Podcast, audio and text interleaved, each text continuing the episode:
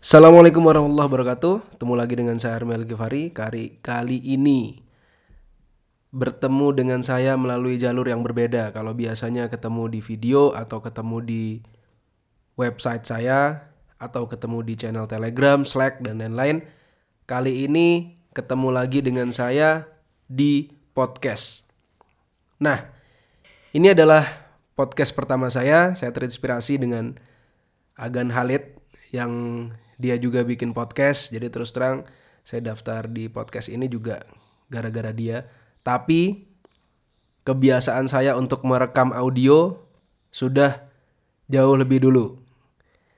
Sejak tahun 2009 apa 2008 gitu ya.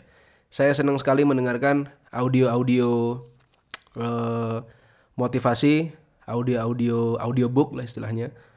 Kemudian saya juga berlangganan uh, Blinkist itu sebuah aplikasi di iPhone kalau teman-teman tahu itu untuk membacakan kitab buku. Jadi memang saya suka sekali mendengarkan sebuah materi-materi itu melalui audio. Karena menurut saya lebih cepat, lebih praktis, saya nggak perlu baca-baca tapi tinggal dengerin aja. Kalau dengerin kan kayaknya nggak butuh effort ya. Hanya butuh konsentrasi aja. Nah, dari situlah akhirnya saya terinspirasi, saya sering bikin-bikin audio dan ketemulah dengan potbinnya Agan Halid gitu. Itu ceritanya kenapa saya akhirnya jadi terjun, istilahnya Halid terjun di podcast. Oke. Untuk materi pertama kali ini, untuk bincang-bincang pertama kali ini saya ingin me, apa ya?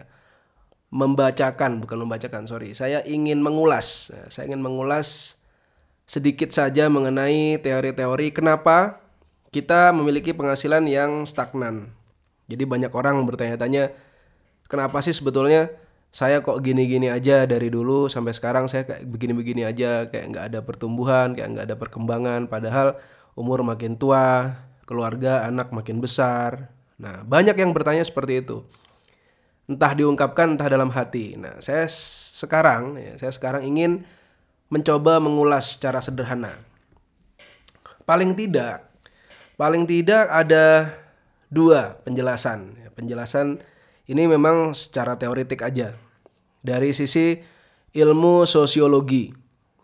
Dari ilmu sosiologi. Kalau teman-teman SMP pernah masuk kelas sosiologi, nah ini ada penjelasan-penjelasan sederhana penjelasan itu yakni ya. Jadi kemiskinan yang pertama teorinya itu adalah teori kemiskinan struktural.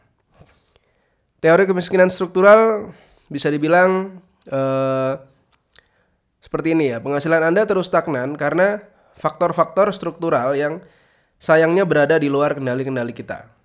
Faktor struktural itu misalnya kebijakan ekonomi yang ya yang yang uh, berpihak kepada kapitalisme dan lain-lain, kebijakan upah dan kemudian eksploitasi tenaga kerja dan uh, situasi-situasi yang tidak ramah terhadap kaum duafa, kemudian kebijakan ekonomi yang tidak tepat, juga mungkin ya kebijakan-kebijakan yang yang yang banyak orang bilang pengamat-pengamat ekonomi misalkan berpihak saja kepada kelas menengah atas.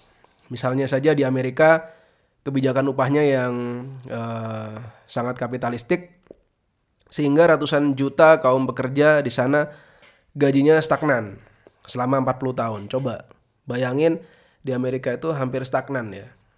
Selama 40 tahun. Di Indonesia masih tiap tahun naik. Sementara gaji-gaji CEO ya itu naiknya gila-gilaan. CEO termahal di dunia, CEO-nya Google ya itu uh, miliar gajinya. Nah, atau contoh-contoh kebijakan ekonomi yang salah di banyak negara-negara, contohnya di di Kuba atau di di negara-negara Afrika atau Korea Utara, misalnya jutaan penduduk di sana yang uh, penghasilannya benar-benar stagnan karena ya faktor-faktor politik yang yang saya juga uh, tidak terlalu paham. Nah, pendekatan struktural ini mau bilang bahwa nasib Anda nasib individual Anda amat ditentukan oleh faktor-faktor struktural di mana Anda berada. Nah, itulah inti dari teori kemiskinan struktural. Anda miskin atau gajinya stagnan karena faktor-faktor struktural di luar kendali Anda.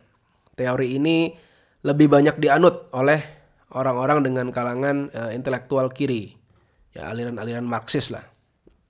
Aliran ini selalu beranggapan bahwa hidup Anda sengsara dan gajinya uh, dan gaji Anda pas-pasan itu karena kebijakan-kebijakan ekonomi yang uh, cenderung kapitalistik dan tidak memihak kelas proletar seperti uh, kebanyakan orang. Mungkin ini ada benarnya juga. Mungkin ada benarnya juga. Um, masih ingat zaman-zaman dulu mungkin zaman bapak kita atau zaman uh, kakek kita. Kalau kita dengar ceritanya ya, kalau kuliah itu susah banget. Kemudian uh, apa namanya? Ya masa-masa lalu uh, ketika ada perang dan lain-lain itu itu struktural. Jadi miskinnya karena memang situasional gitu. Tapi kesannya teori ini sepertinya ya, sepertinya ngeblaming pihak lain. Jadi kita tidak melihat tidak melihat kepada diri kita sendiri. Jadi jangan-jangan mungkin ada yang salah dan kita selalu melihat kepada sisi luar yang membuat kita jadi jatuh miskin. Nah, uh, saya lanjutkan. Sorry, saya minum dulu ini agak haus.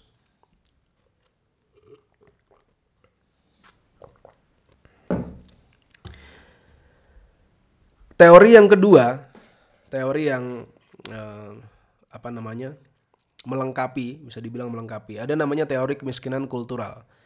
Pendekatan di sini mau bilang bahwa Anda menjadi miskin atau penghasilan Anda stagnan karena faktor kultural yang ada di dalam diri kita sendiri. Faktor itu contohnya ya misal kita tidak punya etos kerja yang kuat.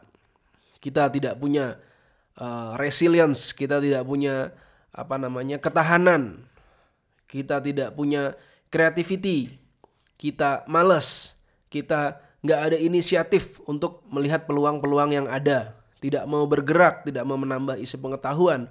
Dengan kata lain teori ini mau mengatakan bahwa penghasilan kita stagnan ya karena salah kita sendiri. Karena mungkin kita nggak terlalu gigih, kita tidak punya etos kerja yang uh, ya yang kuat dan mungkin lebih condong menyerah kepada nasib. Saya pribadi, saya pribadi ya, Terus terang saya suka dengan teori yang ini. Kenapa? Karena teori yang ini under control, berada di dalam diri kita sendiri. Jadi kita jatuh miskin, kita kaya raya, kita sakit, kita uh, sehat itu adalah karena langkah kaki kita sendiri. Karena gerakan-gerakan kita sendiri. Bukan karena pihak di luar. Oke, di luar akan terjadi. Oke, di luar uh, apa mungkin pemerintah begini begitu mungkin karena saya di bisnisnya online berarti mungkin Facebook begini dan begitu AdWords begini dan begitu ya itu bisa jadi terjadi seperti itu bisa sangat bisa tapi faktor terbesarnya itu ada di dalam diri kita sendiri bukan di orang lain nah dengan teori dengan menganut pendekatan seperti ini akhirnya saya jadi lebih gigih untuk memperbaiki diri apa sih yang salah apa sih yang harus saya tambah pengetahuan apa yang harus saya lengkapi. Pekerjaan apa yang belum saya selesaikan. Buku apa yang belum saya tuntaskan. Siapa yang belum saya temui. Nah itu lebih kepada pendekatan ke diri kita sendiri. Tidak menyalahkan pihak-pihak lain, tidak menyalahkan orang-orang lain. Dalam uh, film Superman kalau teman-teman lihat, saya lupa Superman yang berapa. Itu ada namanya Uncle Ben. Uncle Ben waktu dia ditembak, kemudian dia di, di tengah jalan gitu kan dia bilang ke ke apa menjelang dia meninggal kepada Superman dia bilang ingatlah bahwa di balik kekuatan yang besar terdapat tanggung jawab yang besar. Nah, kalau saya memandang itu kebalik. Jadi di balik tanggung jawab yang besar terdapat kekuatan yang besar. Kalau kita bicara dengan sudut pandang yang pertama, maka kita bilang bahwa power uh, kekuatan itu given dari dari dari Tuhan atau dari nasib. Sementara tanggung jawab itu ya karena ada power itu. Nah sedangkan kalau kita nggak punya power berarti kita nggak punya tanggung jawab dong. Enggak. Ini kebalik. Harusnya tanggung dibalik tanggung jawab yang besar maka kita punya power yang besar. Nah tanggung jawab itu bisa kita ambil. Kita memilih untuk bertanggung jawab.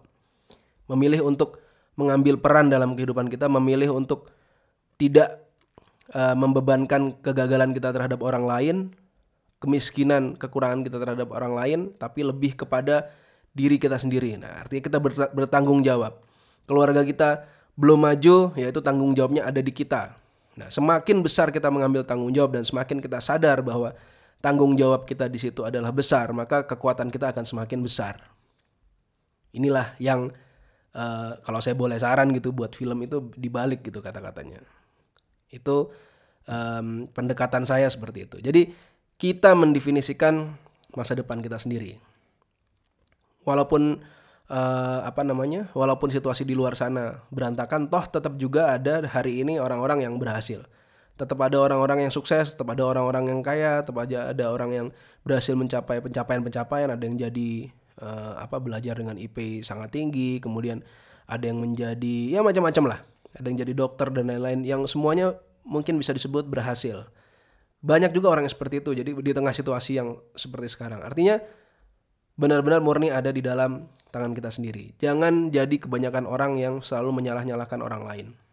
Dulu saya punya kebiasaan kalau nyetir um, apa ya seringnya ngelihat orang lain apa uh, salah gitu di jalan kayaknya kita pengennya ngamuk aja bawaannya. Tapi setelah saya mikir-mikir bego juga gitu.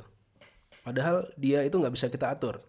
Ya kalau kita kalau kita emosi kita terpengaruh oleh mereka yang ada di luar ya lama-lama kita bisa sakit kanker lama-lama kita bisa sakit hati nggak karu-karuan kehidupan kita. Jadi kita bisa memilih untuk tidak merusak diri kita sendiri dengan cara seperti itu.